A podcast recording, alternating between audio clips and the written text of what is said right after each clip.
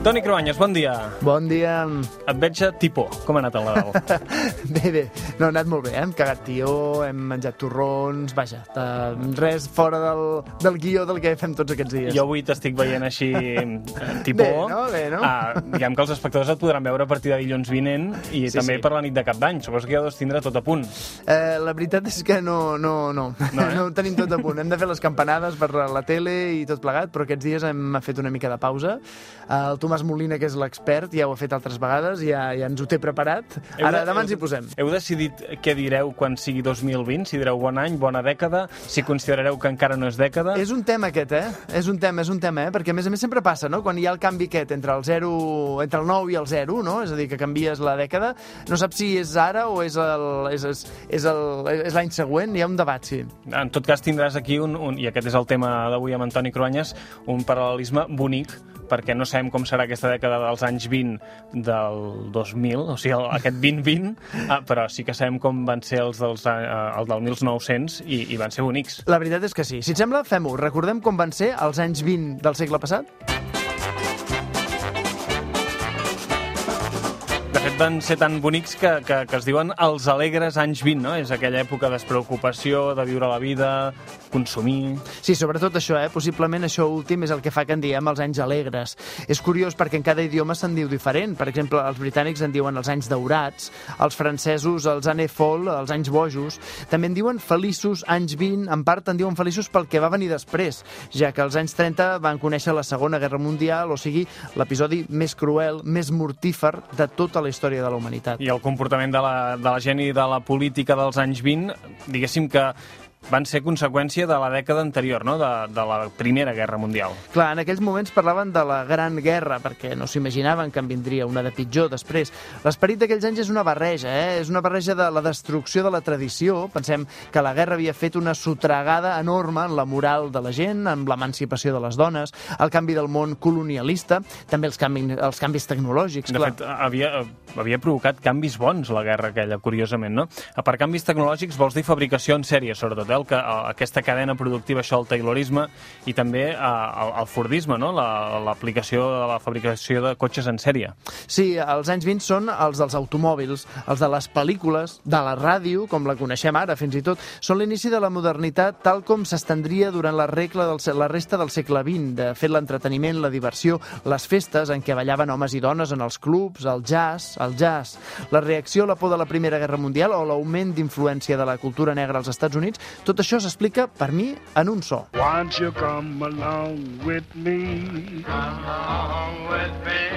Aquest eh, que sentiu és el Louis Armstrong, però de la mateixa època podríem parlar de Duke Ellington o de King Oliver, també del blues, el gospel, el swing...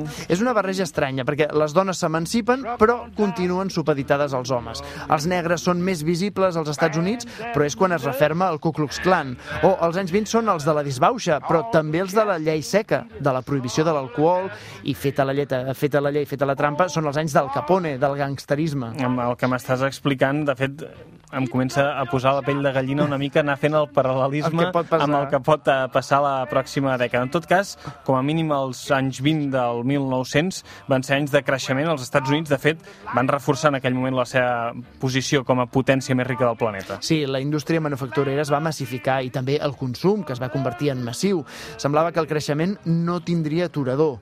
A Europa va passar el mateix, l'únic amb 5 anys d'endarreriment, perquè, clar, Europa va ser el camp de batalla de la Primera Guerra Mundial i la reconstrucció va durar uns anys. Però, és clar, es van generar bombolles especulatives a diferents països i també en sectors econòmics molt diversos. I tot aquest creixement imparable va acabar en el crac del 29. Sí, es van inflar els mercats financers. La falta de regulació, un creixement desbordat de la borsa, van provocar l'efecte dominó des de la caiguda de Dow Jones als Estats Units fins a Europa. És interessant veure que als anys 20 del segle passat ja hi havia efectes globals i gairebé immediats en el terreny de l'economia i la política, però encara no en el consum cultural o en la cultura popular, perquè ens entenguem, als anys 20 a Catalunya la música més actual sonava així.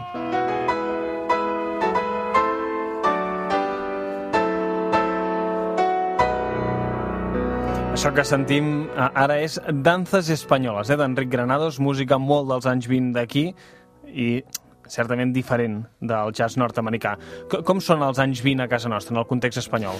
A Catalunya els anys 20 van ser sobretot els de les lluites obreres, els de la recuperació de l'autonomia política, eh, amb la mancomunitat, però de seguida la imposició de la dictadura de Primo de Rivera a partir de 1923 va donar un tarannà molt diferent als alegres anys 20 nord-americans. De tota manera, l'economia catalana havia anat com un tro durant la Primera Guerra Mundial i les famílies riques s'havien fet molt riques. Sí, de fet és aleshores quan els projectes de desenvolupament de Catalunya es van multiplicant, arriben grans quantitats d'immigrants del sud d'Espanya, per exemple. També és l'època del modernisme, per tant, gran esplendor a Catalunya, encara que no tanta alegria com als Estats Units. Doncs, eh, si et sembla, ara sí podem posar música molt dels anys 20 dels Estats Units.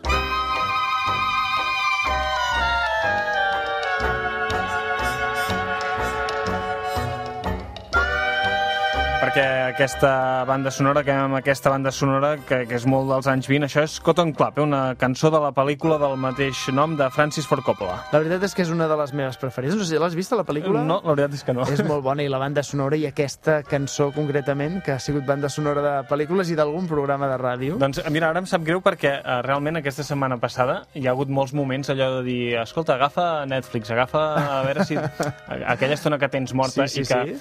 no estàs en condicions de fer una gran activitat física, dius ara aquí una mica de sofà m'hagués anat bé aquest doncs eh, Cotton Club, eh, recomanem-la. Feliços anys 20, Joan! Igualment, Toni.